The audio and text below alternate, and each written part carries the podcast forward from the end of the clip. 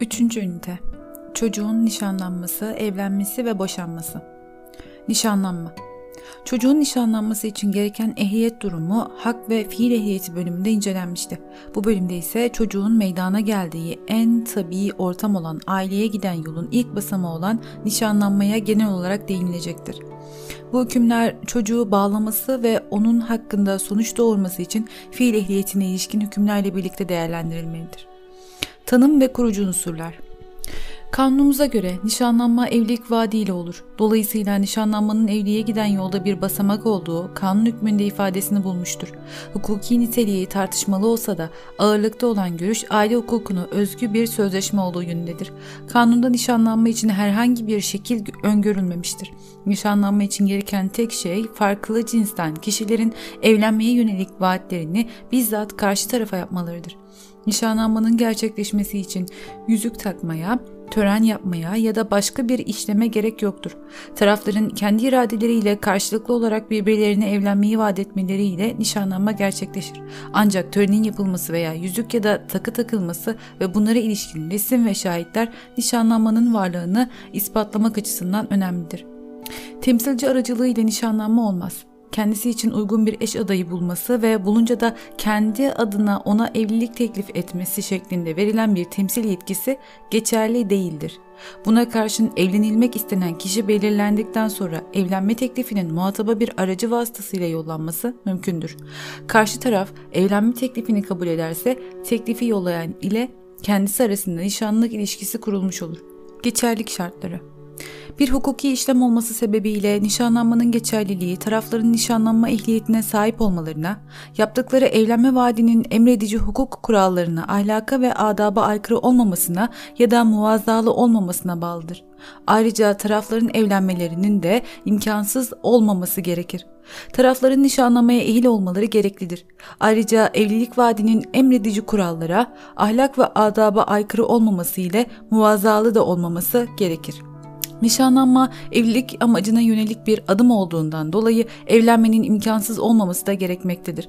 Bu kapsamda kanundaki evlenme engellerinin nişanlanma engelleri olarak karşımıza çıktığı da söylenebilecektir.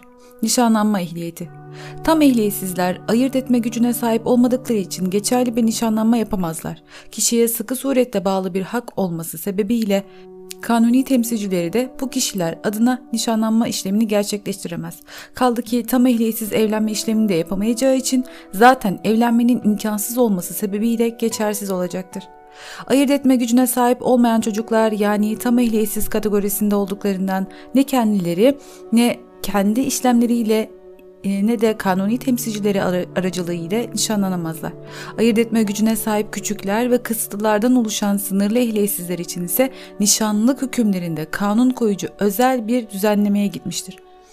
Madde 118 fıkra 2'ye göre Nişanlanma yasal temsilcilerinin rızası olmadıkça küçüğü veya kısıtlıyı bağlamaz. Dolayısıyla sınırlı ehliyetsiz kategorisindeki ayırt etme gücüne sahip çocukların nişanlıkları yasal temsilcilerinin iznine tabidir. Ancak bir taraf sınırlı ehliyetsiz, karşı taraf tam ehliyeti ise bu halde karşı taraf nişanlanma ile bağlıyken yasal temsilcinin iznine kadar çocuk bağlı değildir. Tam ehliyetli olan tarafın karşıdakinin ehliyetsizliğini bilmemesinin önemi yoktur şartları oluşmuşsa yanılma nişanı bozmak için haklı bir sebep olabilir. Madde 451 gereğince de yasal temsilcinin süresinde icazet vermemesi nişanı geçersiz kılar. Sınırlı ehliyetsiz velayet altında ise kanuni temsilcisi ana ve babadır. Ana ve babanın nişanlanmaya oy onay vermemesi velayete aykırı olarak değerlendirmek ya da hakkın kötüye kullanılması olarak görmek oldukça zordur. Sınırlı ehliyetsiz vesayet altında ise razıyı e, vasinin vermesi gerekir. Vasinin izin vermemesi durumunda TMK 461 kapsamında sulh mahkemesine şikayet yapılabilir. Öte yandan madde 452 fıkra 2 gereği vesayet altındaki kişi karşı tarafı fiil ehliyetine sahip olduğu hususunda yanıltmış ise onun bu yüzden uğradığı zararı gidermekle yükümlüdür. Yasal temsilcinin rızası belli bir nişanlanma için verilir. Verilen rıza geri alınmaz ve tabidir ki evlenme için verilen rıza evveliyetle nişanlanmayı da kapsar. Nişanlanmanın emredici kurallara aykırı olmaması. Taraflar arasında evlenmeye engel olacak derecede hısımlık ilişkisinin bulunması, evlenmeye engel olan bir akıl hastalığının olması, taraflar arasında evlatlık ilişkisinin bulunması, taraflardan birisinin hali hazırda evli olması nişanlanmanın geçersiz olması sonucunu doğurur. Nişanlı olan birinin bu nişanlılık ilişkisi devam ederken eski nişanlılık ilişkisinin de devam etmesini arzulayarak yeniden nişanlanması durumunda ikinci nişanlanma ahlaka aykırılık sebebiyle geçersiz olur.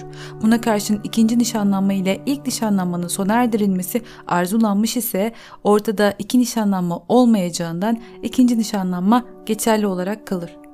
Yukarıda sayılan şartlarda evlenmenin imkansız olmaması gerektiğini ifa ifade edilmişti. Taraflar arasındaki evlenme engeli kesin evlenme engeli ise nişanlanma geçersiz olur. Dolayısıyla kesin evlenme engeli olmayan hallerin nişanlanmayı engellemeyeceğini de söyleyebiliriz. Bunlar kanunun kadın için yeniden evlenmesinden önce öngördüğü bekleme süresi, geçici temiz gücü kaybı ve irade sakatlığı halleridir. Nişanlanmanın muvazalı olmaması Tarafların aslında nişanlanmak istememelerine rağmen hukukun tanıdığı bazı haklardan yararlanmak için nişanlanmış gibi görünmeleri durumunda da nişanlanma geçersizdir. Örneğin HMK madde 248'e göre nişanlılık mahkemede diğer nişanlı için tanıklıktan kaçınma hakkı tanıdığından taraflar nişanlı gibi davranarak bu düzenlemeden yararlanmak istemiş olabilirler.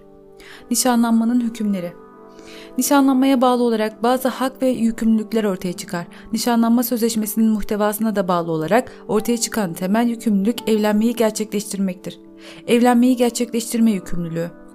Nişanlanma ilişkisinin kendisinden beklenen doğal sonucu tarafların evlenmesidir. Evlenmenin de bir sözleşme olması sebebiyle her iki tarafın katılması ile gerçekleşmesi gerekir. Bu sebeple tarafların üzerlerine düşen evlenme yükümlülüklerinin yerine getirilebilmesi diğer tarafın katılımı ile mümkün olacaktır.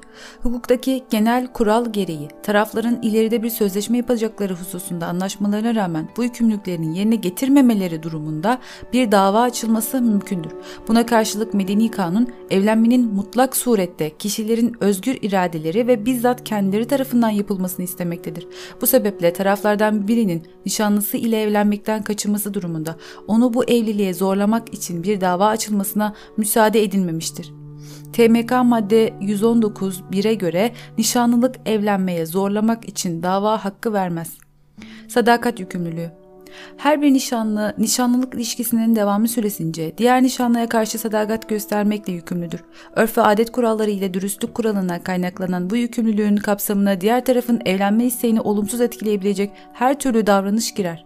Üçüncü kişilerle cinsel ilişkiye girmemek ya da bu konuda kuşku doğuracak e, davranışlardan uzak durmak bu yükümlülüğün kapsamındadır. Aksi davranışlar diğer nişanlının haklı sebeple nişanı bozmasına imkan tanır ve bu şekilde davranan kişiyi tazminat ödeme borcu altına sokar. Nişanlının yakın sayılması Nişanlanma tarafları birbirlerinin hısımı haline getirmemekle birlikte birbirlerinin yakını haline getirir. Türk Borçlar Kanunu'nun 53. maddesi gereğince nişanlısı haksız bir fiil sebebiyle ölen kişi yakın sayıldığı için nişanlısının desteğinden yoksun kalması sebebiyle tazminat talep edebilir. Yine nişanlıya karşı bir suç işleme tehdidiyle hukuki işlem yaptırılması durumunda yapılan işlem korkutma sebebiyle geçersizdir ve iptal edilebilir. Tanıklıktan ve hakimlikten kaçınma hakkı tanıması. Nişanlardan her biri diğerinin davalı ya da davacı olduğu bir davada ya da nişanlısının sanık olarak yargılandığı ceza mahkemesindeki bir davada tanıklık yapmaktan kaçınabilir. Yine nişanlardan biri diğerinin taraf olduğu ya da yargılandığı bir davada hakim olarak bulunuyorsa hakimlikten kaçınabileceği gibi diğer tarafta bu sebebe dayanarak hakimi reddedebilir. Nişanlanmanın sona ermesi Nişanlıların evlenmesi Nişanlanmanın normal olan sona erme hali nişanlıların birbirleriyle evlenmeleridir. Evlenme ile birlikte taraflar arasında aile hukukuna ait diğer bir ilişki olan evlilik ilişkisi başlar. Evlilik ile birlikte nişanlanmaya ilişkin hükümler sona erer ve evliliğe ilişkin hükümler devreye girer. Nişanlıların birbirleriyle değil de nişanlardan birisinin bir üçüncü kişiyle evlenmesi durumunda da nişanlanma sona erer. Bu evlilik aynı zamanda nişanın bozulması anlamına da geleceğinden nişanın bozulmasına ilişkin hükümler devreye girer. Nişanın bu şekilde haksız olarak bozulmasına sebep olan taraf diğer tarafa maddi ve manevi tazminat ödemek zorunda da kalabilir. Tarafların anlaşması Nişanlık ilişkisi tarafların anlaşması ile de sona erdirilebilir. Nişanlanma bir sözleşme olduğundan bu sözleşmenin yine tarafların karşılıklı iradeleriyle kurulan bir bozma, ikale sözleşmesi ile ortadan kaldırılması mümkündür. Bu durumda teknik olarak nişanın bozulması söz konusu olmadığından nişanın bozulmasına ilişkin hükümler uygulanmaz. Taraflar nişanlık ilişkisinin sona erdirilmesi hususunda yaptıkları anlaşmada tazminata ilişkin düzenlemelere yer verebilirler. Ancak konuşulmamış ise tazminat söz konusu olmaz. Bununla birlikte hediyelerin geri verilmesi talep edilebilir. Nişanlanma ilişkisi herhangi bir şekle bağlı olmadığı gibi nişanın sonlandırılmasına ilişkin anlaşma da herhangi bir şekle tabi değildir. Ancak şekle bağlı olmayan diğer tüm sözleşmelerde olduğu gibi burada da ispat kolaylığı açısından yazılı şekil tavsiye edilebilir. Evlenmenin imkansız hale gelmesi Nişanların evlenmesini imkansız hale getiren durumların başında nişanlardan birinin ölmesi gelir. Aynı şekilde nişanlardan birinin gayipliğine karar verildiğinde de nişanlanma sona erer. Evlilikte olduğu gibi ayrıca nişanın sona ermesine yönelik bir karar almaya gerek yoktur. Taraflardan birisinin cinsiyetini değiştirmesi de evlenmeyi imkansızlaştırdığı için nişanlanma sona erer kesin bir evlenme engelinin ortaya çıkması. Nişanlardan birinin iyileşmeyecek ve evlenmeye engel olacak derecede akıl hastalığına yakalanması durumunda nişanlanma sona erer. Yine nişanlıların birbirleriyle evlenmelerine engel olacak derecede hısım olduklarının ortaya çıkması da nişanlanmayı sona erdirir. Nişanın bozulması. Nişanlanmanın hükümlerinden birisinin de haklı bir sebep olmaksızın evlenmekten kaçınmamak olduğunu ifade etmiştir. Bununla birlikte nişanlardan birisinin evlenmeye yanaşmaması halinde onu evlenmeye zorlamak mümkün değildir. Bunun tabii bir sonucu olarak taraflar tek taraflı bir irade açıklaması ile nişanı her zaman bozabilirler. Nişanın bozulması için nişanlardan birisi için haklı bir sebebin varlığı halinde nişanın bozulması hakkı ortaya çıkar. Nişanın bozulmasının sonuçları Nişanın bozulmasının en başta gelen sonuçları maddi ve manevi tazminat ile verilen hediyelerin iadesidir. TMK madde 120'ye göre nişanlardan biri haklı bir sebep olmaksızın nişanı bozduğu veya nişan taraflardan birine yükletilebilen bir sebeple bozulduğu takdirde kusuru olan taraf diğerine dürüstlük kuralları çerçevesinde ve evlenme amacıyla yaptığı harcamalar ve katlandığı maddi fedakarlıklar karşılığında uygun bir tazminat vermekle yükümlüdür. Aynı kural nişan giderleri hakkında da uygulanır. Maddi tazminat için nişanın haksız olarak bozulması gerekir. Nişanlardan birinin başka biri ile nişanlanması, evlenmesi ya da herhangi bir sebep beyan etmeden nişanı bozması durumunda diğer nişanlı için dava açma hakkı veren bir durum ortaya çıkar. Nişan taraflardan birine yükletilebilen bir sebeple bozulursa da nişanın kim tarafından bozulduğu önemli olmaksızın nişanın bozulmasına sebep olan taraf tazminat ödemek zorunda kalır başka kişilerle sadakat yükümlülüğüne aykırı olarak ilişki kurma, nişanlısı ile görüşmeme, ailesine karşı saygısızca davranış gösterme, yüz kızartıcı suç işleme gibi durumlarda diğer taraf nişanı bozabileceği gibi tazminat da isteyebilir. Toplumda nişanı bozan taraf tazminat öder şeklindeki kuralın genel bir geçerliliği bulunmamaktadır. Nişanın bozulması sebebiyle tazminatın söz konusu olması için nişanı bozan ya da nişanın bozulmasına sebep olan tarafın kusurlu olması gerekir.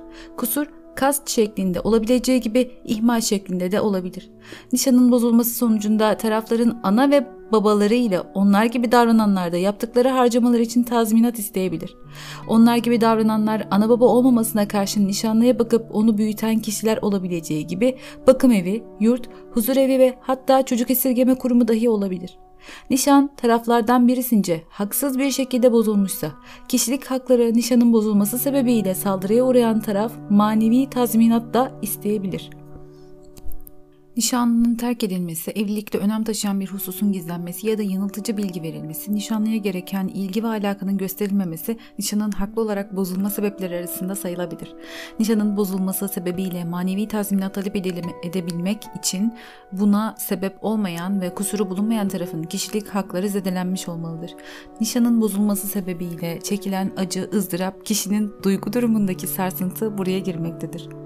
Sırf nişanlının uzun sürmesi tek başına manevi tazminat istemek için yeterli değildir. Buna karşılık küçük bir yerde yaşayan kişiler açısından sırf nişanın bozulmuş olmasının kız için tek başına manevi tazminat istemeyi gerektirecek bir manevi zarara sebep olabileceği yargıtayca kabul edilmektedir. Türk Medeni Kanunu'nun 122. maddesine göre nişanlık evlenme dışındaki bir sebeple sona ererse, nişanlıların birbirlerine veya ana ve babanın ya da onlar gibi davrananların diğer nişanlıya vermiş oldukları alışılmışın dışındaki hediyeler verenler tarafından geri istenebilir. Hediye aynen veya mislen geri veriliyorsa verilemiyorsa sebepsiz zenginleşme hükümleri uygulanır. Nişanlanmanın sona ermesinden doğan taleplere ilişkin dava hakları sona ermenin üzerinden bir yıl geçmekte zaman aşımına uğrar. Evlenme Nişanlılığın arzulanan son durağı olan evlenme, nişanlıların evlilik birliğini meydana getirmek amacıyla yaptıkları bir aile hukuk sözleşmesidir. Buna göre evlilik ayrı cinsiyette olan kişilerin tam ve sürekli bir hayat ortaklığı meydana getirmek amacıyla hukukun aradığı şartlara uygun olarak birleşmesidir. Kanunda müstakbel eşlerin evlenme ehliyeti, birbirleriyle ısınlık durumları, var ise mevcut evlilikleri İrade oluşturup ortaya koyabilme yetenekleri ayrıntı olarak düzenlenmiştir. Dahası evlenmeye nişanlanmadan farklı olarak şekle de bağlı tutulmuştur. Görülen o ki kanun koyucu toplumun en küçük yapı taşı olan ailenin kuruluşunda şüpheye yer kalmamasını ona onu şekle bağlayarak ve bu evliliğin toplumun gelenek ve göreneklerince kabul edilmesini onu bir takım hususlara bağlayarak sağlamaya çalışmıştır. Evliliğin gerçekleşebilmesi için bazı şekli ve maddi şartların gerçekleşmesi gerekir. Şekli şartlar evlenmenin kurulabilmesi için gereken kurucu unsurlar ile bu unsurların gerçekleşmesini sağlamaya yönelik olarak getirilen prosedürlerden oluşur. Evlenmenin şekli şartlarından oluşan prosedür niteliğindeki şartlarda diğer kurucu unsurlar gibi mutlaka yerine getirilmesi gereken şartlardır. Bununla birlikte her nasılsa prosedür niteliğindeki bu şekli şartların yerine getirilmemesi evlenmenin geçerliliğine etki etmez. Buna karşın kurucu unsur niteliğindeki şekli şartlar evlenmenin kurulmasını engeller. Evlenmenin maddi şartları ise tarafların evlenme ehliyetine sahip olmaları ve evlenme engellerinin bulunmamasıdır. Evlenmenin şekli şartları Evlenmenin şekli şartları yukarıda da açıklandığı gibi kurucu şartlar ve diğer şekli şartlar olarak ikiye ayrılabilir. Evlenmenin kurucu unsurları niteliğindeki şekli şartları üç tanedir. Bunlar evlenecek tarafların farklı cinsiyetten olmaları, evlenmenin yetkili memur önünde yapılması ve tarafların evlenme iradelerini bizzat kendilerinin ard arda yetkili memur önünde açıklamalarıdır. Evlenmenin şekline ilişkin diğer şartlar ise evlenme, evlendirme memurluğuna yapılacak başvuru ile başlayan ve ibraz edilmesi gereken belgelere ilişkin şartlardır. Yine tarafların başvuruları reddedilirse buna yapılacak olan itirazda ilişkin prosedür de buraya dahil edilebilir. Evlenmenin şekli şartlarına uymamanın sonuçları aşağıda da ayrı bir başlık halinde incelenmiştir. Evlenmenin maddi şartları Evlenmenin maddi şartları denilince evlenmek için gereken parasal değerler değil, evlenmenin içeriğine ve esasına ilişkin şartlar akla gelir. Bunlardan ilki tarafların evlenme ehliyetidir. Diğeri ise evlenme engellerinin bulunmamasıdır. Evlenme ehliyeti Evlenme, karşı cinsten biriyle ortak bir yaşam yürütme, cinselliği paylaşma, çocuk sahibi olma ve ergin olmayan bir kişi için ergin olma gibi önemli sonuçlar doğuran bir işlemdir. Bu nedenle büyük bir sorumluluk gerektirir. İşte bu sorumluluğu kaldırabilmesi için evlenecek kişinin ayırt etme gücüne sahip olması, fiziksel ve ruhsal açıdan belirli bir olgunluğa ulaşması aranmaktadır. Bu evlenme ehliyetine ilişkin getirilen yaş sınırlamaları ile gerçekleşmektedir. 18 yaşını dolduran bir kişi ergin olacağından başka bir kişinin izin ya da onayına gerek kalmadan kendisi evlenebilir. Fiil ehliyetine ilişkin bölümde de kısaca açıklandığı üzere küçükler açısından ise evlenme ehliyeti hem erkek hem de kadın için 17 yaşın doldurulması ile kazanılır. 17 yaşını doldurmak demek 18 yaşından gün almak demektir. Evlenecek kişi 17 yaşını doldurmamışsa kanuni temsilcisinin vereceği izin evlenmesi için yeterli değildir. Medeni kanun olağan evlenme işi olan 17 yaşını tamamlamamış olmakla birlikte 16 yaşını tamamlamış kişilerin olağanüstü ve pek önemli bir sebebin varlığı halinde hakimin izniyle evlenebilmelerine imkan tanımaktadır. TMK 124.2'de hakim olağanüstü durumlarda ve pek önemli bir sebeple 16 yaşını doldurmuş olan erkek veya kadının evlenmesine izin verebilir. Denilmek suretiyle olağanüstü durumun varlığı tek başına yeterli görülmemiş ve bunun yanında ayrıca pek önemli bir sebebin de varlığı aranmıştır. Bu duruma örnek olarak evlilik dışı ilişki sonucunda kadının gebe kalması gösterilebilir. Bundan başka 16 yaşını tamamlayarak kanuni temsilcisinin izniyle nişanlanmış bir küçüğün anne ve babasını aniden kaybetmesi sonucunda vesayet altına alınması yerine evlenmesine izin verilerek hayata devam etmesi gösterilebilir. Ancak unutulmamalıdır ki bu durumda kanuni temsilciler sadece dinlenir Asıl karar merciği mahkemedir. Dolayısıyla olağanüstü ve pek önemli bir sebebin var olup olmadığı yapılacak yargılama sonucunda hakim tarafından karara bağlanacaktır. Evlenme ehliyetinin diğer bir şartı ayırt etme gücüne sahip olmaktır. Ayırt etme gücünün sürekli bir sebeple ya da geçici olarak bulunmaması farklı sonuçlar meydana getirir. Buna aşağıda evlenmenin hükümsüzlüğü başlığı altında değinilmiştir. Evlenme ehliyetinin diğer bir şartı ise yasal temsilcinin iznidir.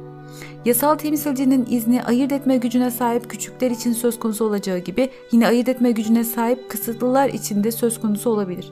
Ayırt etme gücüne sahip olmayan evlenme ehliyetine sahip olmadıkları için yasal temsilcinin izniyle evlenemeyecekleri gibi yasal temsilcinin onlar adına bu evliliği yapması da mümkün değildir. Bu durum evlenmenin şekli şartları arasında incelenen kurucu unsurlara aykırılık teşkil eder. Evlenme engellerinin bulunmaması, Evlenme ehliyetine sahip olmak evlenme evlenebilmek için yeterli değildir. Ayrıca evlenme engellerinin de olmaması gerekir. Evlenme engellerinin hepsi evlenmeye aynı derecede etkili değildir. Bunlardan bir kısmının varlığı kesin evlenme engeli oluştururken diğer bir kısmı ise evlenmeyi geçici olarak engeller. Kesin evlenme engelleri taraflar arasında evlenmeye engel olacak derecede hısımlık ilişkisinin bulunması, taraflardan birisinin evli olması ve evlenmeye engel olacak derecedeki akıl hastalığıdır. Geçici evlenme engelleri ise kadın için bekleme süresi, iddet müddeti ve bulaşıcı hastalıklardır. Evlenmeye engel olan hısımlıklar. TMK madde 129'da belirtilmiştir. Buna göre ilk olarak üst soy ile alt soy arasında, kardeşler arasında, amca, dayı, hala ve teyze ile yeğenleri arasında evlenmek yasaktır.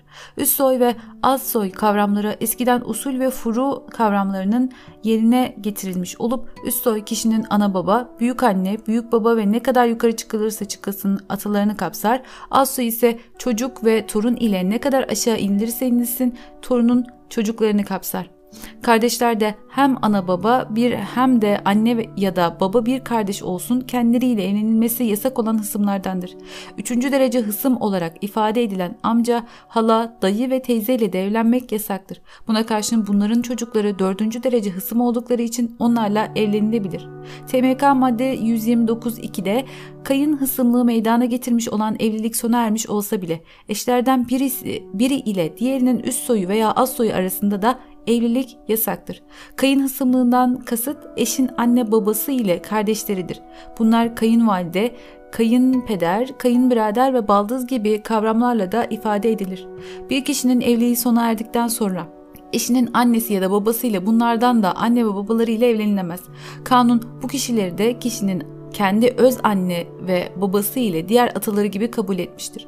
Aynı şekilde eşinin önceki evliliğinden olan çocuğu ile evlenemeyeceği gibi onların da çocukları yani eşinin torunları ile de evlenemez. Buna karşın eşin kardeşi, amca, hala, teyze ve dayısı ile evlenilebilir. Evlatlık ile ilgili bölümde de açıklandığı gibi evlat edinen ile evlatlığın ve bunlardan biri ile diğerinin alt soyu ve eşi arasında da evlenmek yasaktır. Evlenme engellerinden bir diğeri mevcut evliliktir. Bir kişi evliyken tekrar evlenemez. Tekrar evlenebilmesi için mevcut evliliğinin sona erdiğini ispatlamak zorundadır. Mevcut evliliğin sona ermesi hükümsüzlük şeklinde olabileceği gibi boşanma ve ölüm ile de olabilir. Eşin gayip olması durumunda ise ayrıca evliliğin fesine karar verilmemişse evlilik devam ediyor demektir. Bu durumda tekrar evlenmek isteyen eş gayiplik kararı ile birlikte ya da daha sonra ayrıca evliliğin fesine de karar aldırmalıdır. TMK madde 133'e göre akıl hastaları evlenmelerinde tıbbi bir sakınca bulunmadığı resmi sağlık kurulu raporuyla anlaşılmadıkça evlenemezler. Akıl hastalıklarının çok farklı türlerinin bulunması karşısında kanun koyucu evlenmeye engel olmayacak derecedeki akıl hastalarının evlenmesine müsaade etmiştir. Kesin olmayan evlenme engellerinden birisi kadın için bekleme süresidir. TMK madde 132'ye göre evlilik sona ermişse kadın evliliğin sona ermesinden başlayarak 300 gün geçmedikçe evlenemez. Doğurmakla süre biter. Kadının önceki evliliğinden gebe olmadığının anlaşılması veya evliliği sona eren eşlerin yeniden birbirleriyle evlenmek istemeleri hallerinde mahkeme bu süreyi kaldırır. Kanun metninde geçen 300 gün ifadesinden de anlaşılacağı gibi bu yasak çocuğun soybağının tespiti açısından getirilmiştir. Nitekim soybağı isimli bölümde de açıklandığı üzere evliliğin sona ermesinden 300 gün içerisinde doğan çocuğun babası sona eren evlilikteki kocadır. Bunun yanında kocanın babalığı karinesine göre de evlilik içerisinde doğan çocuğun babası ise kocadır. Kadının evliliğin sona ermesinden 300 gün geçmeden yeniden evlenmesi ve bu süre dolmadan bir çocuk doğurması durumunda çocuğun hangi kocadan olduğu hususunda tereddüt yaşanır. Buna mahal vermemek için kadının evliliğin sona ermesinden itibaren 300 gün içerisinde tekrar evlenmesi yasaklanmıştır. Evliliğin sona erdiği sırada gebe olan kadın doğum yaptığı zaman bu bekleme süresi biter ve yeniden evlenebilir. Çünkü burada soy bağının karışması tehlikesi bulunmamaktadır. Sona eren evlilikteki eşlerin birbirleriyle yeniden evlenmeleri durumunda Yine soybağı karışıklığı söz konusu olmayacağı için hakim bu 300 günlük süreyi kaldırır. Bütün bunlara rağmen kadın bu 300 günlük bekleme süresine uymayarak yeniden evlenmiş olursa evlilik geçerli olarak kalır. Kesin olmayan diğer evlenme engeli ise 1593 sayılı Umumi Hıfzı Sıha Kanunu'nun 123. maddesinde sayılan bazı bulaşıcı hastalıklar evlenme engeli sayılmıştır. Bununla birlikte bu hastalıklardan birinin bulunduğu bir kişi her nasılsa evlenmiş ise evlilik geçerli olarak kalacak ve iptal edilmeyecektir. Evlenmenin hükümsüzlüğü Evlenmenin kurulması için aranan şartlardan bazılarının bulunması evlenmenin geçerliliğini etki eder. Bununla birlikte şartların hepsi aynı etkiye sahip değildir. Şimdi kısaca bu şartların hangilerinin eksik olması durumunda nasıl bir geçersizlik durumunun söz konusu olacağına bir göz atalım. Evlenmenin yokluğu Evlenmenin şekli şartları kısmında sayılan ve kurucu unsurları olduğu belirtilen şartlardan birisinin bulunmaması durumunda evlilik yok sayılır. Bu şartlar evlenmenin resmi memur huzurunda yapılması, farklı cinsiyetten kişiler arasında gerçekleşmesi ve tarafların bizzat kendilerinin evlendirme memuru huzurunda ve aynı anda iradelerini beyan etmeleridir. Evlendirme memuru belediye bulunan yerlerde belediye başkanı veya bu işte görevlendireceği memur köylerde muhtardır. Evlendirme yönetmeliğinin 7. maddesine göre İçişleri Bakanlığı, il nüfus ve vatandaşlık müdürlüklerine nüfus müdürlüklerine, il ve ilçe müdürlüklerine ve ilgili dış temsilciliklere evlendirme memurluğu görev ve yetkisi verilebilir. Resmi memur önünde yapılmayan evlilik yok hükmündedir. Bu kapsamda olmak üzere imam nikahı resmi memur olarak görevlendirilmemiş din görevlisinin kıymış olduğu nikah hukuken yok hükmündedir hiçbir sonuç doğurmaz. İmam nikahı ile birlikte evli olduklarını düşünerek yaşayan kişilerin bir çocuk sahibi olmaları durumunda erkek hukuken çocuğun babası olarak kabul edilmez. Taraflardan birisi ölürse diğeri ona mirasçı olamaz. Nafaka ya da tazminatla söz konusu olmaz. Bu sebeple evlenmenin resmi memur önünde yapılması son derece önemlidir. Tarafların aynı cinsiyetten olmaları durumunda da evliliğin oluşması mümkün değildir. Aynı cinsten kişilerin birlikte yaşamasıyla aynı cinsten kişilerin evliliğini birbirinden ayırmak gerekir aynı cinsten iki ya da daha fazla kişinin birlikte yaşamasını yasaklayan bir kanun olmadığı gibi düzenleyen bir kanun da yoktur. Buna karşın bazı Avrupa ülkelerinde bu şekilde birlikte yaşamaların artması sebebiyle bu birliktelikleri hukuki açıdan düzenleyen hayat ortaklığı kanunu adı altında kanunlar yapılmaya başlanmıştır. Birlikte yaşama esasına dayanan bu ilişkiler evlilik olarak değerlendirilmemektedir. Evliliğin kurulabilmesi için taraflar aynı anda evlendirme memuru huzurunda bulunmalı ve evlenmeye yönelik iradelerini bizzat kendileri sözlü olarak açıklamaları gerekir. Konuşabilen kişilerin iradelerini yazılı, yazılı olarak açıklamış olmaları durumunda yine evlilik yok olarak kabul edilir. Halk arasında bilinenin aksine evlilik sözlü olarak kabul beyanının açıklandığı anda kurulur imzaların atılması ya da şahitlerin beyanları yukarıda şekli şartlar altında evlenmenin kurulmasına etkili olmayan şekli prosedür kapsamındadır. Evlenmenin butlanı Evlenmenin yapılabilmesi için kanunun genel ve özel olarak aramış olduğu bazı şartlar bulunmaktadır. Bu şartlara uyulmaması durumunda evlenmenin geçerli olarak kurulması mümkün değildir. Bunlarla birlikte yukarıda da ifade edildiği gibi aranan bütün şartların eksikliği aynı sonucu doğurmaz. Olmazsa olmaz nitelikteki şartların olmaması evlenmenin yok sayılması sonucunu doğurmaktadır. Yokluk kadar olması da yine evlenmenin geçerliği için aranan evlenmenin maddi şartlarına aykırı olarak gerçekleşen evliliklerde hukuki açıdan sorunlu evlilikler olarak kabul edilir. Yalnız bu sorunlar hususunda dikkat çeken bir özellik söz konusudur.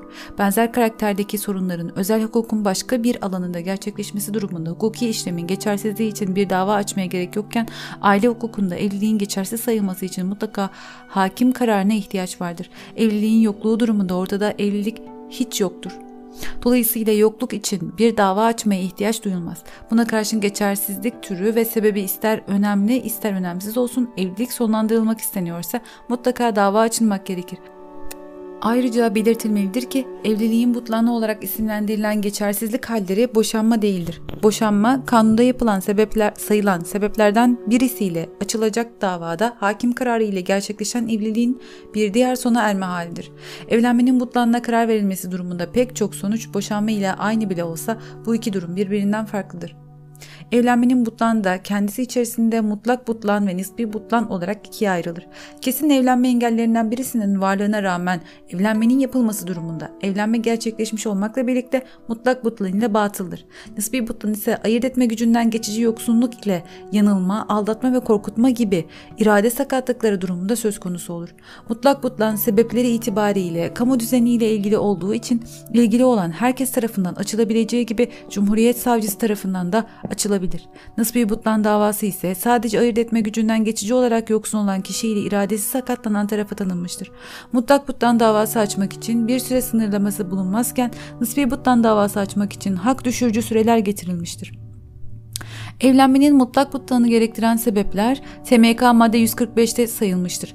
Buna göre eşlerden birinin evlenme sırasında evli bulunması, eşlerden birinin evlenme sırasında sürekli bir sebeple ayırt etme gücünden yoksun bulunması, eşlerden birinde evlenmeye engel olacak derecede akıl hastalığı bulunması ve eşler arasında evlenmeye engel olacak derecede ısınlığın bulunması durumunda evlenme mutlak butlanla batıldır.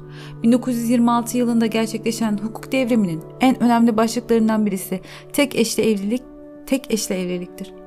Bu nedenle evli olan birisinin yeniden evlenmesi, evliliğinin devam ettiği sürece mümkün değildir. Evlenmiş olan birisinin tekrar evlenebilmesi için önceki evliliğin ölüm, boşanma, butlan ya da gayiplik sebebiyle feshedilmiş olması ve bunun ispatlanması gerekir. Medeni kanun tüm akıl hastalıklarını değil sadece evlenmeye engel olan olacak derecede olanları mutlak butlan sebebi saymıştır. Buna göre eşlerden birinde evlenmeye engel olacak derecede akıl hastalığının olmasına rağmen evlenme yapılmışsa bu evlilik mutlak butlanla batıldır. Taraflar arasında evlenmeye engel olacak derecede ısımlık ilişkisi varsa ve buna rağmen evlenme gerçekleşmişse evlenme mutlak butlanlığa batıldır. Hısımlık ilişkisinin sonradan kalması ya da değişmesi mümkün değildir. Bu sebeple 147. maddede düzenlenen ayırt etme gücünün sonradan kazanılması, akıl hastalığının iyileşmesi ve ikinci evlilik yapıldıktan sonra ilk evliliğin sona ermesi gibi bir durum ile karşılaşılmaz.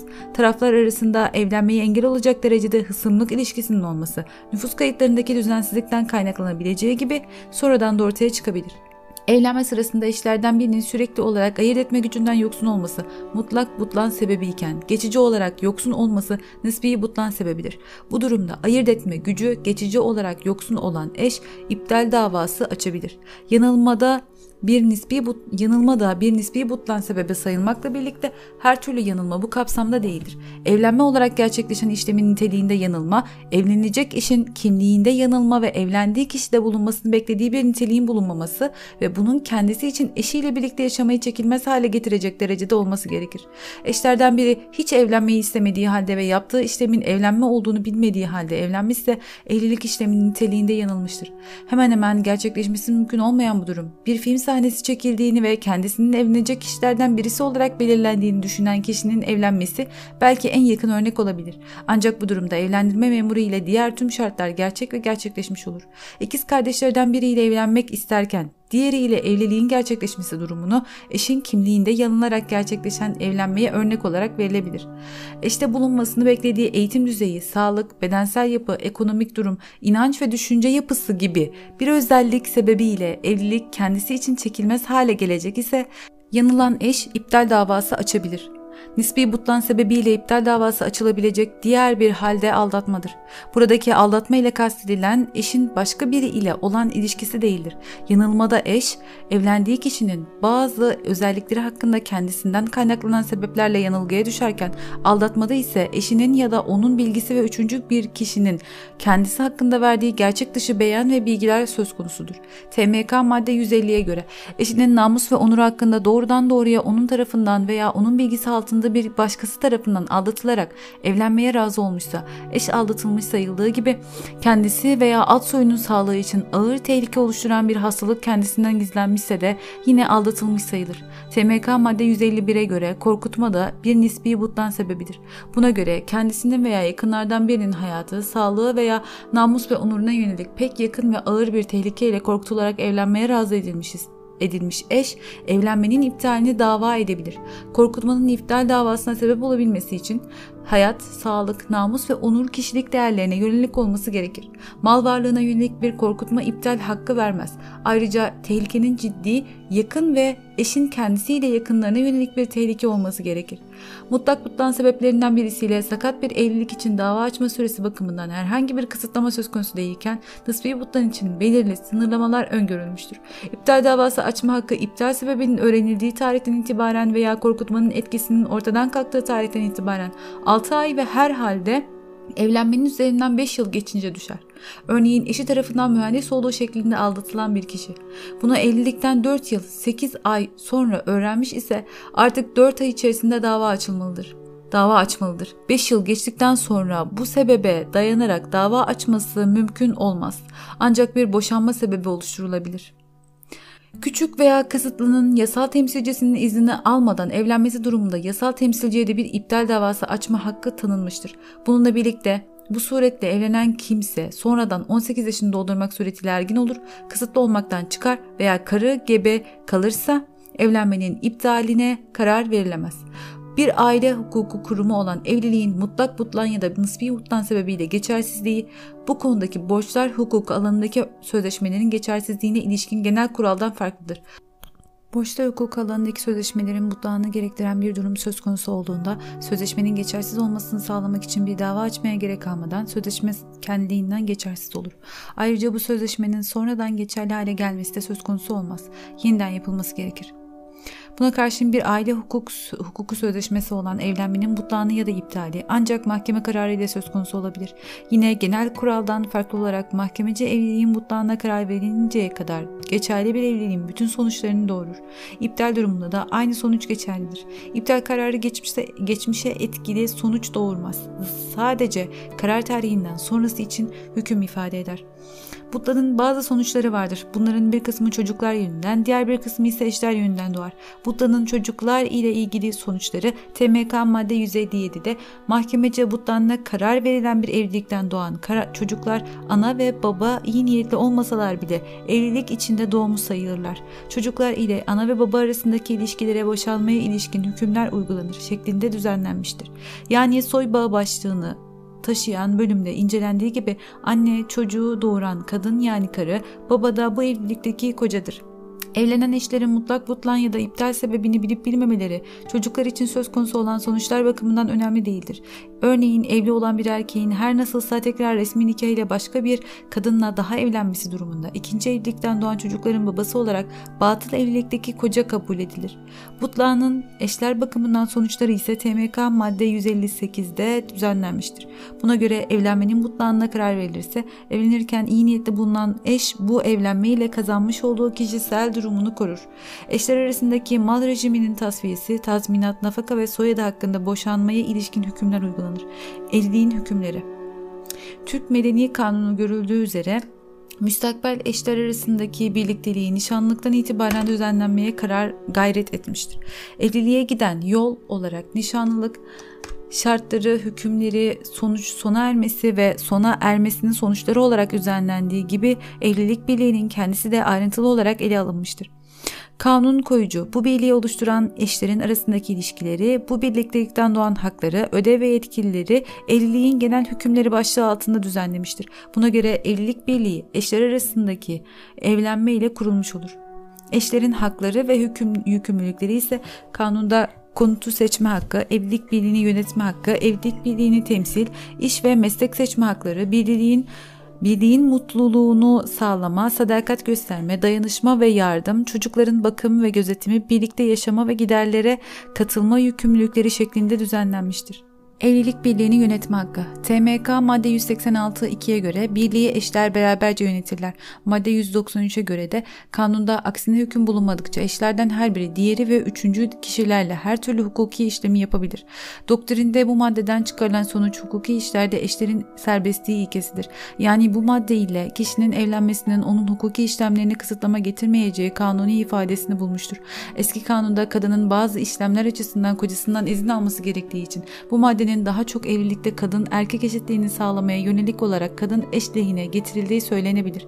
Fakat bu serbestliğin kefalet sözleşmesi veya aşağıda görüleceği üzere aile konutu örneğinde olduğu gibi kanun koyucu tarafından bazı hallerde sınırlandırılması da söz konusudur. Aile konutunu seçme hakkı TMK madde 186.1'e göre eşler oturacakları konutu birlikte seçerler. Bu şekilde bir düzenlenme ile kanun koyucu evlilik birliğinin merkezi konumunda olan aile konutunun seçiminde eşleri aynı oranda hak söz sahibi olarak kabul etmiştir. Dahası eşlerden birinin diğer eşin açık rızası bulunmadıkça aile konutu ile ilgili kira sözleşmesini feshedemeyeceği, aile konutunu devredemeyeceği veya aile konutu üzerindeki hakları sınırlayamayacağı da kanunda ifadesini bulmuştur. Diğer eşin rızasını haklı bir neden olmaksızın vermediği halde de hakimin müdahalesi istenebilecektir. Aile taşınmazı olarak kullanılan taşınmazın maliki olmayan eş bu durumun üçüncü kişilerce bilinirliğini sağlayabilmek için tapu kütüğüne taşınmazın aile konutu olarak şahini sağlayabilir. Böyle bir imkan getirmekle yapılma istenen ise üçüncü kişilerin iyi niyetle aile konutu üzerinde aynı hak kazanmasını engellemeye çalışmaktır. Zira normal şartlarda TMK madde 1023 gereğince tapu kütüğündeki tescile iyi niyetle dayanarak mülkiyet iktisabı korunmaktadır.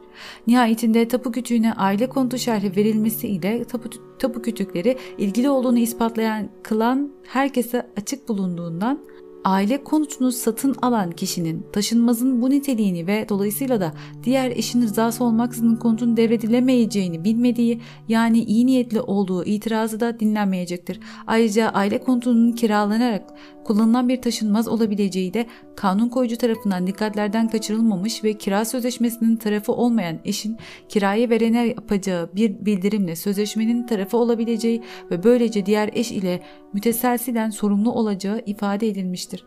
Evliliğin birliğini temsil hakkı ve yetkisi. Evlilik ile dış dünyaya karşı bir birlik vücuda gelmiş olduğundan doğaldır ki bu birliğin temsili de söz konusu olacaktır. Kanun koyucu bu hususu da düzenlemekten geri kalmamıştır. Kanun bu konudaki genel hükmü eşlerden her birinin ortak yaşamın devamı süresince ailenin sürekli ihtiyaçları için evlilik birliğini temsil edebileceği yönündedir. Bu maddenin anlamı eşlerin evlilik birliğinin temsilinde ailenin sürekli ihtiyaçları için eşit ölçüde yetkili olmalarıdır. Fakat ailenin sürekli ihtiyaçları olmayan diğer ihtiyaçlar söz konusu olduğunda eşlerden birinin evlilik birliğini temsil edebilmesi için iki halden biri kanun koyucu tarafından aranmıştır.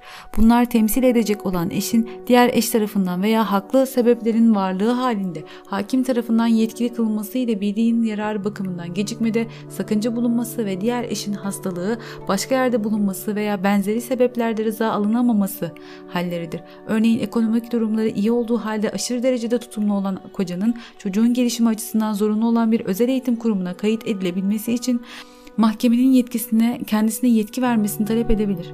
Sorumluluk Evlilik birliğinin üçüncü kişilere karşı temsili üçüncü kişiyle doğrudan hukuki ilişkiye girmeyen eşin evlilik ile ilgili olarak diğer eş tarafından yapılan işlemlerden sorumlu olmasını ifade eder. Öncelikle belirtmek gerekir ki borç al alacaklının menfaati olmadıkça bizzat borçlu tarafından ifade edilmek zorunda olmasa da İster haksız fiilden, ister sebepsiz zenginleşmeden, isterse de sözleşmeden de olsun borçtan sorumlu olan kişi borcun doğumu sırasında borçlu olan kişidir. İşte bu noktada kanun koyucu eşlerden birinin evlilik birliğinin temsil yetkisini kullanması durumunu eşlerin üçüncü kişilere karşı müteselsiz sorumluluklarına yol açacak bir hal olarak düzenlemiştir. Bu durumda birliğin temsil yetkisi kullanılarak yapılan bir hukuki işlemden eşlerden her biri alacaklıya karşı borcun tamamından sorumlu olurlar. Diğer bir ifadeyle eşlerden biri evlilik birliğiyle ilgili bir işlem yaptığında diğer eş bundan haberi olmasa da sorumludur. Alacaklı da borcun tamamının veya bir kısmının ifasını dilerse kendisiyle işlemi yapan eşten dilerse de yapılan işlemin tarafı olmayan eşten isteyebilir ve eşlerin sorumluluğu borcun tamamını ödeninceye kadar devam eder. Fakat eşlerden birinin bildiği temsil yetkisi bulunmaksızın yaptığı işlemlerden kişisel olarak sorumlu olacağı da kanunda ifadesini bulmuştur. Yine aynı fıkraya göre burada dikkat edilmesi gereken temsil yetkisinin üçüncü kişilerce anlaşılamayacak şekilde aşılması halinde eşlerin müteselsilen sorumlu tutulacaklarıdır. Temsil yetkisinin kaldırılması veya sınırlandırılması ve geri verilmesi. Eşlerin müteselsil olarak sorumlu tutulmalarına sebebiyet verebilen evlilik birliğinin temsil yetkisi kaldırılabilir, sınırlandırılabilir ve geri verilebilir. Kanun koyucu bu kaldırılma ve sınırlanma hallerini eşlerden birinin temsil yetkisini aşmasına veya bu yetkiyi kullanmada yetersiz kalmasına bağlamıştır. Bu iki halden biri varsa diğer eşin istemi üzerine hakim temsil yetkisini kaldırabilir ve sınırlayabilir. Eşlerden birinin istemi üzerine temsil yetkisinin kaldırılmasına veya sınırlanmasına ilişkin hakim kararı koşullar değiştiğinde yine diğer eşin istemi üzerine hakim tarafından değiştirilebilir. İlk kararın ilan edilmesi değişikliğe ilişkin kararında ilanını gerektirir. Eşlerin meslek ve iş seçme hakları Kanunumuz eşlerin meslek ve iş seçiminde birbirlerinin iznini almak zorunda olmadıklarını belirtmiştir. Ancak eşlerin hakları olduğu gibi evlilik birliği kapsamında birbirlerine karşı yükümlülükleri de vardır. Bu yüzden kanunda eşlerin meslek ve iş seçiminde ve dahi bunların yürütülmesinde evlilik birliğinin huzur ve yararının göz önünde tutulması gerektiği de ifade edilmiştir. Eşlerin yükümlülükleri TMK madde 185.2'ye göre eşler bu birliğin mutluluğunu el birliğiyle sağlamak ve çocukların bakımına, eğitim ve gözetimine beraberce özen göstermekle yükümlüdürler ve fıkra 3'e göre de eşler birlikte yaşamak, birbirine sadık kalmak ve yardımcı olmak zorundadırlar. Aynı şekilde Çocuk Hakları Sözleşmesi'nin 29. maddesinde de anne ve babalar çocuğun kişiliğinin yeteneklerinin yanında bedensel ve zihinsel özelliklerinin geliştirilmesine hizmet etmekle, çocukları doğru ve iyi olana yönlendirmekle, onları insan haklarına saygılı bir birey olarak yetiştirerek toplumsal gelişimine ve sosyal hayata uyum sağlamasına yardımcı olmakla yükümlüdürler. Çocuğun bakım ve eğitiminin yanında çocuğun adının belirlenmesi, çocuk ile birlikte yaşama, çocuğun temsili, çocuğun mallarının idaresi ve korunması anne ve babanın çocuk üzerindeki hak ve yetkilerine örnek olarak verilebilir. Bu konular ayrıntılı olarak ileride velayet başlığı altında daha geniş olarak ele alınmıştır. Bu maddeden yola çıkarak eşlerin öncelikle evlenmeyle meydana getirdikleri birliği korumakla yükümlü oldukları söylenebilir. Bu kapsamda birlikte yaşamaları ve oluşturdukları birliğin mutluluğunu sağlamaları, birbirlerine sadakat göstermeleri ve dayanışma ile yardıma esirgememeleri, ailenin yeni üyeleri olan çocukların bakım ve gözetimini sağlamaları ve giderlere katılma yükümlülükleri söz konusudur. Bakım ve gözetimin yapılması gereken çocuklar kapsamına öncelikle eşlerin müşterek çocukları girer. Bununla birlikte TMK madde 338 bu konuda tamamlayıcı bir hüküm mahiyetindedir. Bu maddeye göre eşler ergin olmayan üvey çocuklarına da özen ve ilgi göstermekle yükümlüdürler. Kendi çocuğu üzerinde velayeti kullanan eşe diğer eş uygun bir şekilde yardımcı olur, durum ve koşullar zorunlu kılıl, kırıl, kıldığı ölçüde çocuğun ihtiyaçları için onu temsil eder. Çocukların bakımı, beslenmesi, barınması, sağlığı, seyahat, oyun gibi tüm ihtiyaçlarının karşılanmasına yönelik yükümlülükleri içerir.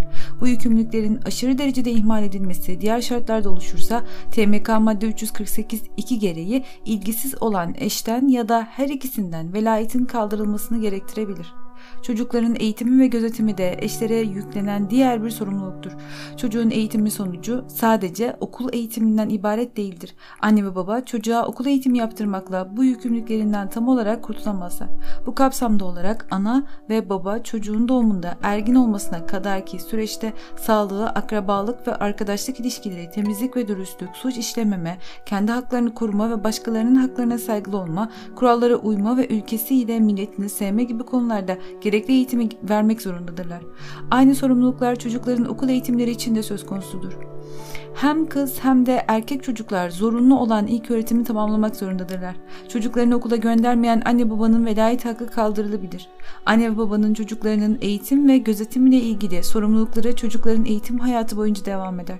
Çocukların eğitimi anne ve babanın çocuklarına dini eğitim vermelerini de kapsar. Bununla birlikte anayasanın 24. maddesine yer alan herkes vicdan, dini, inanç ve kanaat hürriyetine sahiptir şeklindeki düzenleme karşısında çocuklara dini eğitim verme zorunluluğu bulunmamaktadır. Boşanma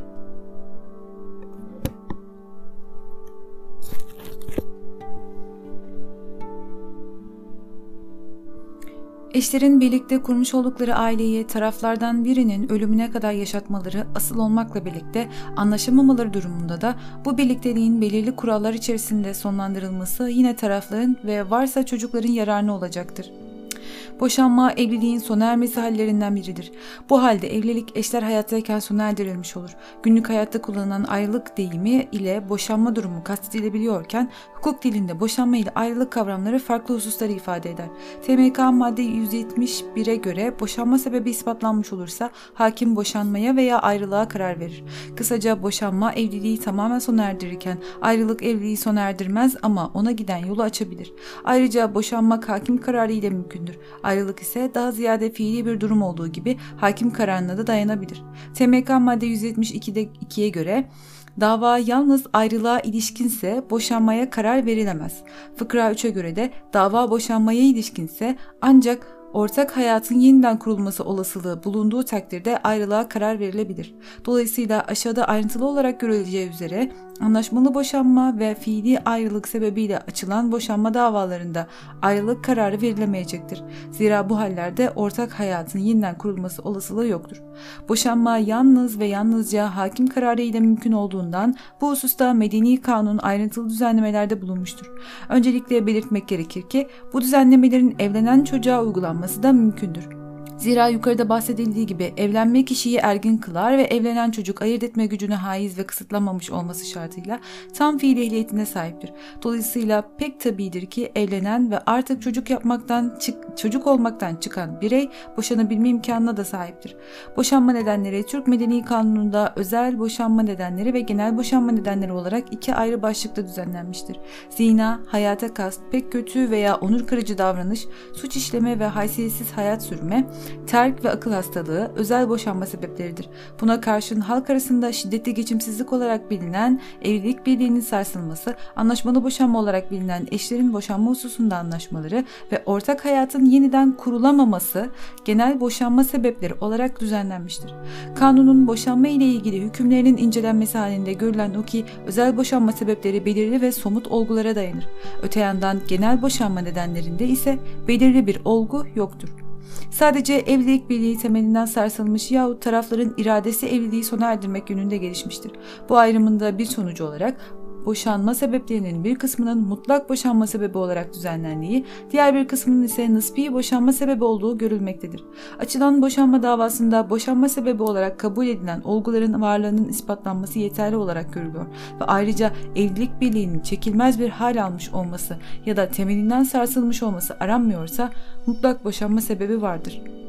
Olguların varlığının ispatı yeterli değilse ve ayrıca çekilmezlik ve birliğin devamının beklen, beklenememesi de aranıyorsa nispi boşanma sebebi vardır. Örneğin zina ve terk mutlak boşanma sebebiyken akıl hastalığı nispi boşanma sebebidir. Her halükarda boşanmanın gerçekleşebilmesi için kanunda sayılan sebeplerden birisine dayanılarak bir dava açılmalıdır. Kanunda sayılan bir sebebe dayanmayan bir boşanma davasının açılması ve evliliği sonlandırması mümkün değildir. Boşanma nedenleri Zina Türk Ceza Kanunu açısından suç olarak düzenlenmeyen zina, Türk Medeni Kanunu'nun madde 161 1'de mutlak bir boşanma nedeni olarak düzenlenmiştir. Buna göre eşlerden biri zina ederse diğer eş boşanma davası açabilir. Bu cümleden çıkan evli eşlerden birinin eşinden başka biriyle kusurlu olarak cinsel ilişkide bulunmasıdır. Dolayısıyla zina nedeniyle boşanma davası açabilmek için kanun kişinin evli olmasını, eşinden başka bir kişiyle cinsel ilişkide bulunmasını ve kusurlu olmasını aramaktadır. Zina nedeniyle boşanmada eşinden başka bir kimseyle cinsel ilişkide bulunmak şeklinde belirli ve somut bir olgu arandığından özel bir boşanma sebebidir. Zina eyleminin ispatı boşanma davasının neticelenmesi için yeterli olduğundan mutlak bir boşanma sebebidir. Zinanın mutlak bir boşanma sebebi olarak kabul edilmesi sadakat yükümlülüğünün kapsamında yer alan cinsel sadakat yükümlülüğüdür. Bu sebeple eşler evliliğin kurulmasından sona ermesine kadar cinsel açıdan birbirlerine sadık olmak zorundadırlar. Bu sadakat yükümlülüğü boşanma davası açıldıktan sonra da devam eder. Çünkü mahkemenin boşanmaya karar vermemesi de mümkündür. Zina eden kişi, zina eden eşin bir başkasıyla bile isteye cins isteyerek cinsel ilişkiye girmesi gerektiğinden de kusura dayalı bir boşanma sebebidir. Yani misal olarak tam ehliyetsiz eş kusurlu olamayacağından ona karşı zina nedeniyle boşanma davası açılamayacaktır. Tümden ifade edecek olursak zina kusura dayalı mutlak ve özel bir boşanma sebebidir. Zina olgusunun ispatlanması tek başına boşanma için yeterli olup ayrıca ortak hayatın çekilmezliğinin ispatlanması gerekmez. Belirtmek gerekir ki aynı cinsten kişilerle cinsel ilişkide bulunmak zina nedeniyle boşanmayı değil haysiyetsiz hayat sürme nedeniyle veya evlilik birliğinin temelinden sarsılması nedeniyle boşanmaya sebebiyet verebilir. Yine zina sebebiyle boşanma davası açılabilmesi için zinanın evlenmeden sonra gerçekleşmiş olması gerekir. Evlilik öncesi zina olarak değerlendirilen eylemler evlilik sonrasında öğrenilmişse ve şartları varsa yanılma ya da aldatma sebebiyle evliliğin iptalini sağlayabilir. Zina edilen kişinin evli olup olmaması önemli değildir. Zina nedeniyle boşanma davası açabilmek hakkını ortadan kaldıran nedenler de kanunda ifadesini bulmuştur.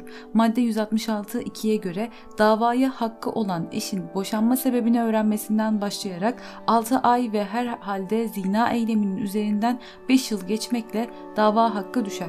Kanun koyucu boşanma davası açma hakkı süreye bağlamıştır. Bunlar maddede görüldüğü üzere eşin zinayı öğrenmesinden itibaren 6 ay ve zina eyleminden itibaren 5 yıldır.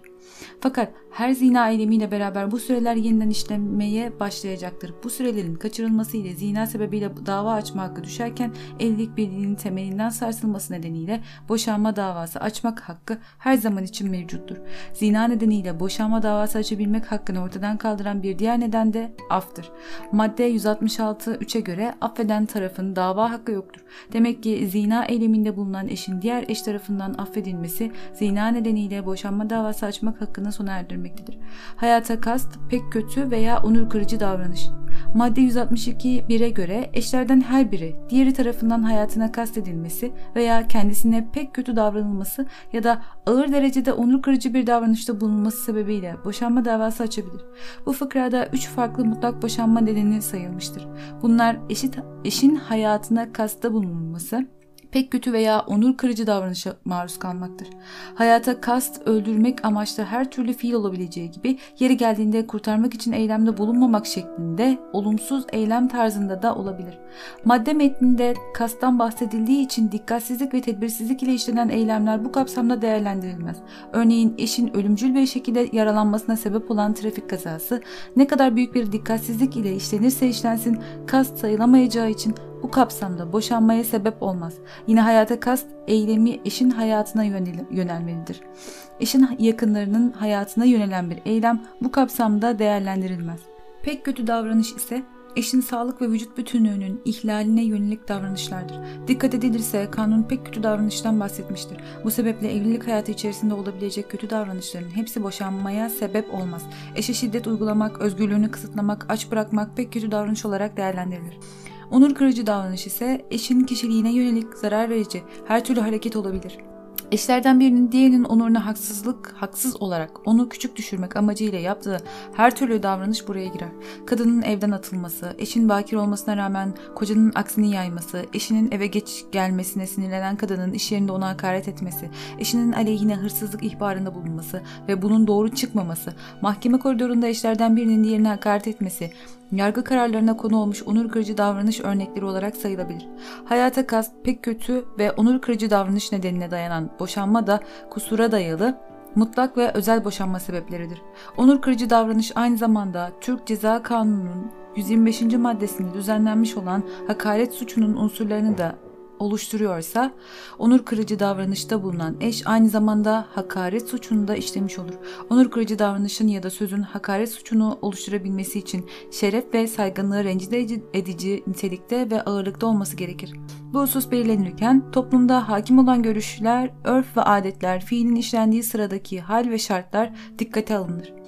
Hayata kast, pek kötü veya onur kırıcı davranış nedeniyle boşanma davası açabilmek hakkını ortadan kaldıran nedenler de hak düşürücü sürenin geçmesi ve af olarak kanunda belirlenmiştir. Madde 162.2'ye göre Davaya hakkı olan eşin boşanma sebebini öğrenmesinden başlayarak 6 ay ve herhalde bu sebebin doğumunun üzerinden 5 yıl geçmekle dava hakkı düşer. Boşanma sebebinin öğrenildiği andan itibaren 6 ay ve sebebin doğumundan itibaren 5 yıl kanun koyucu tarafından öngörülmüştür. Ayrıca madde 162 3'e göre de affeden tarafın dava hakkı yoktur. Dolayısıyla hayatına kasteden pek kötü ve ya onur kırıcı davranışta bulunan eşi affeden eş artık bu nedenlerle boşanma davası açma hakkını yitirir. Suç işleme ve haysiyetsiz hayat sürme. TMK madde 163'te düzenlenen suç işleme ve haysiyetsiz hayat sürme kenar başlığı ile düzenlenen bu hükme göre eşlerden biri küçük düşürücü bir suç işler veya haysiyetsiz bir hayat sürer ve bu sebeplerden ötürü onunla birlikte yaşaması diğer eşten beklenemezse bu eş her zaman boşanma davası açabilir. Niteliği itibariyle eşlerden birinin diğerine karşı gerçekleştirdiği bir eylem şeklinde olmayan bu boşanma nedeni üçüncü bir kişiye karşı gerçekleştirilen bir eyleme dayanmaktadır. Bu tür eylemlerde bulunan eş öncelikle doğrudan kendisine zarar vermekte, dolaylı olarak da diğer eş bundan etkilenmektedir. Kanunlarda küçük düşürücü bir suç tanımı yer almamaktadır. Buna karşın toplum içerisinde başkalarının namusuna, ırzına, farklı yöntemlerle mal varlıklarına karşı işlenen suçlar küçük düşürücü olarak kabul edilebilir. Bu kapsamda olmak üzere cinsel taciz, ırza geçme, çocukların cinsel istismarı, teşhircilik, hırsızlık, evrakta sahtecilik, dolandırıcılık gibi eylemler küçük düşürücü suçlara örnek olarak verilebilir. Haysiyetsiz hayat sürme ise hangi tür eylemlerin haysiyetsiz hayat, yaşam sürme olarak değerlendirileceği toplumun diğer yargılarına ve genel ahlaka göre tespit edilir. Kadın ya da insan ticareti yapmak, kişilerin evlilik dışı ilişkilerine aracılık etmek, mali durumu iyi olmasına rağmen dilencilik yapmak haysiyetsiz hayat sürme örnekleri olarak verilebilir. Terk Evlilik farklı cinsiyetten iki kişinin meydana getirdiği bir birlikteliktir. Evlilik birliği olarak da ifade edilen bu birlikteliğin en temel yükümlülük birlikte yaşamaktır. Zaten bu yükümlülük TMK madde 185.3'te eşler birlikte yaşamak zorundadırlar şeklinde ifade edilmiştir. Eşlerin birlikte yaşama zorunluluğu temeline dayanan tek sebebi ise boşanma TMK madde 164'te düzenlenmiştir. Buna göre eşlerden biri evlilik birliğinden doğan yükümlülüklerini yerine getirmemek maksadıyla diğerini terk ettiği veya haklı bir sebep olmadan ortak konuda dönmediği takdirde ayrılık en az 6 ay sürmüş ve bu durum devam etmekte ve istem üzerine hakim veya noter tarafından yapılan ihtar sonuçsuz kalmış ise terk edilen eş boşanma davası açabilir. Diğerine ortak konutu terk etmeye zorlayan veya haklı bir sebep olmaksızın ortak konutu dönmesini engelleyen eş de terk etmiş sayılır. Evlilik birliği içerisinde eşlerden birisi evliliğin en temel yükümlülüğü olan birlikte yaşama yükümlülüğünü ihlal ederse ve evlilik birliğinin merkezi olan aile konutunu terk ederse söz konusu boşanma nedeni gerçekleşmiş olur. Terk eyleminin gerçekleşebilmesi için eşlerden birinin fiziki olarak evlilik birliğinin merkezini terk etmesi gerekir. Eşin kendisini manevi olarak terk edilmiş hissetmesine neden olan eşiyle yemekte, sohbette, yatakta paylaşımlarının olmaması. Bu madde paylaşım bu madde kapsamında terk sayılmadığı için terk nedeniyle boşanmaya imkan tanımaz. Diğer şartları varsa geçimsizlik nedeniyle boşanmaya sebep olabilir. Yine terkin boşanmaya sebep olması için terk eden eşin özgür iradesiyle ve evlilik birliğinden doğan yükümlülüklerin yerine getirilmemesi kastıyla terk etmiş olması gerekir tutukluluk, gözaltına alınma, askere alınma, kaçırılma gibi irade dışı gerçekleşen eylemler terk sayılmaz. Terkin konuttan ayrılan eşin iradesine dayanmaması, aksine kendisi konuta dönmek istemesine karşın konutta olan eşin buna izin vermemesi durumunda da eşin konuta dönmesini engelleyen eş terk eylemini gerçekleştirmiş sayılır. Özel, mutlak ve kusura dayalı bir boşanma sebebi olan terkin gerçekleşebilmesi için aranan şartlardan birisi de süre ile ilgilidir. Terk ile meydana gelen fiili ayrılık en az 6 ay sürmelidir. Ayrıca terk eden eşe aile hakimi veya noter aracılığıyla ihtar gönderilmeli ve eş ihtara rağmen dönmemelidir. Maddenin devamında ise ayrılığın sona ermesi ve ortak yaşamın yeniden tesisi için yapılması gereken ihtara dair bilgi verilmiştir.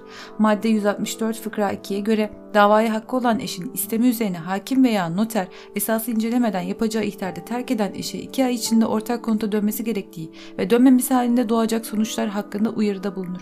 Bu ihtar gerektiğinde ilan yoluyla yapılır. Ancak boşanma davası açmak için belirli sürenin dördüncü ayı bitmedikçe ihtar ihtar isteminde bulunamaz ve ihtardan sonra iki ay geçmedikçe dava açılamaz. Bu fıkradan çıkan sonuçlar ise şunlardır. Bunlara ek olarak Yargıtay dön ihtarının geçerliliğini katı kurallara bağlamıştır. Bu nedenle uygulamada evlilik birliğinin sarsılması temelli genel boşanma nedenine dayalı bir boşanma davası açmak çoğu zaman tercih edilmektedir. Bu kapsamda Yargıtay dön ihtarının sa- samimi olmasını ve işin dönmesini sağlayacak olanakların da ihtar ile birlikte sağlanmasını aramaktadır. Bunlar ayrı bir ev kiralamak veya otobüs bileti yollamak şeklinde tezahür edebilmektedir. Terk özelinde belirtmek gerekir ki ihtarda bulunan eşin o zamana kadar yaşananlarını affederek birlikte yaşama yeniden tesis etmeye çalıştığından diğer boşanma sebeplerine dayanması mümkün değildir. Akıl hastalığı. Evlenmenin kuruluşunda evlenme ehliyeti olarak aranan ayırt etme gücünün evlilik birliğinin devamı sırasında ortadan kalkması evlenmenin kuruluşu ile ilgili olmadığı için butlan sebebi sayılmaz. Buna karşın eşlerden birisinin evliliğin devamı sırasında akıl hastalığına yakalanması diğer bazı şartlarıyla birlikte boşanma sebebi olarak kabul edilmiştir. TMK madde 165'e göre eşlerden biri akıl hastası olup da bu yüzden ortak hayat diğer eş için çekilmez hale gelirse hastalığın geçmesine olanak bulunmadığı resmi sağlık kurulu kurulu raporuyla tespit edilmek koşuluyla bu eş boşanma davası açabilir. Akıl hastalığına dayalı boşanma davası açılabilmesi için eşlerden birinde iyileşmesine olanak bulunmayan bir akıl hastalığının bulunması bu durumun resmi sağlık raporu ile resmi sağlık kurulu raporu ile tespit edilmesi ve ayrıca ortak hayatın diğer eş için çekilmez hale gelmesi şartları aranmaktadır. Evlilik birliğinin sarsılması Halk arasında şiddetli geçimsizlik olarak da ifade edilen evlilik birliğinin sarsılması nedeniyle boşanma en çok müracaat edilen boşanma nedenlerinin başına gelmektedir. Bunun en temel sebebi diğer boşanma nedenlerinde daha somut ve özel nedenler aranması sebebiyle ispat ve şartların gerçekleştirilmesindeki zorluktur. TMK madde 166 1 ve 2'de evlilik birliği ortak hayatı sürdürmeleri kendilerinden beklenmeyecek derecede temelinden sarsılmış olursa eşlerden her biri boşanma davası açabilir. Yukarıdaki fıkrada Belirtilen hallerde davacının kusuru daha ağır ise davalının açılan davaya itiraz hakkı vardır. Bununla beraber bu itiraz hakkın kötüye kullanılması niteliğinde ise ve evlilik birliğinin devamında davalı ve çocuklar bakımından korumaya değer bir yarar kalmamışsa boşanmaya karar verilebilir. Madde 166 4'e göre boşanma sebeplerinden herhangi biriyle açılmış bulunan davanın reddine karar verilmesi ve bu kararın kesinleştiği tarihten başlayarak 3 yıl geçmesi halinde her ne olursa, her ne sebeple olursa olsun ortak hayat yeniden kurulamamışsa evlilik birliği temelden sarsılmış sayılır ve eşlerden birinin istemi üzerine boşanmaya karar verilir. Bu maddede düzenlenen husus geçimsizlik karinesi olarak isimlendirilir. Söz konusu maddeye göre boşanma nedenlerinin herhangi birisi ile açılan bir dava reddedildikten sonra sonra evlilik birliği 3 yıl süreyle yeniden sağlanamamışsa tekrar açılan bir davada hakim boşanmaya karar vermelidir. Evlilik hayatının tekrar sağlanamamasının sebebi önemli değildir. Boşanma davası açan kişinin red kararına rağmen ortak konuta dönmemesi bile ikinci olarak dava açısından e, ikinci açılacak dava açısından istenen koşulun oluşmasını sağlar. Eşlerin boşanma hususunda anlaşmaları Genel boşanma nedenlerinden bir diğeri de anlaşmalı boşanmadır.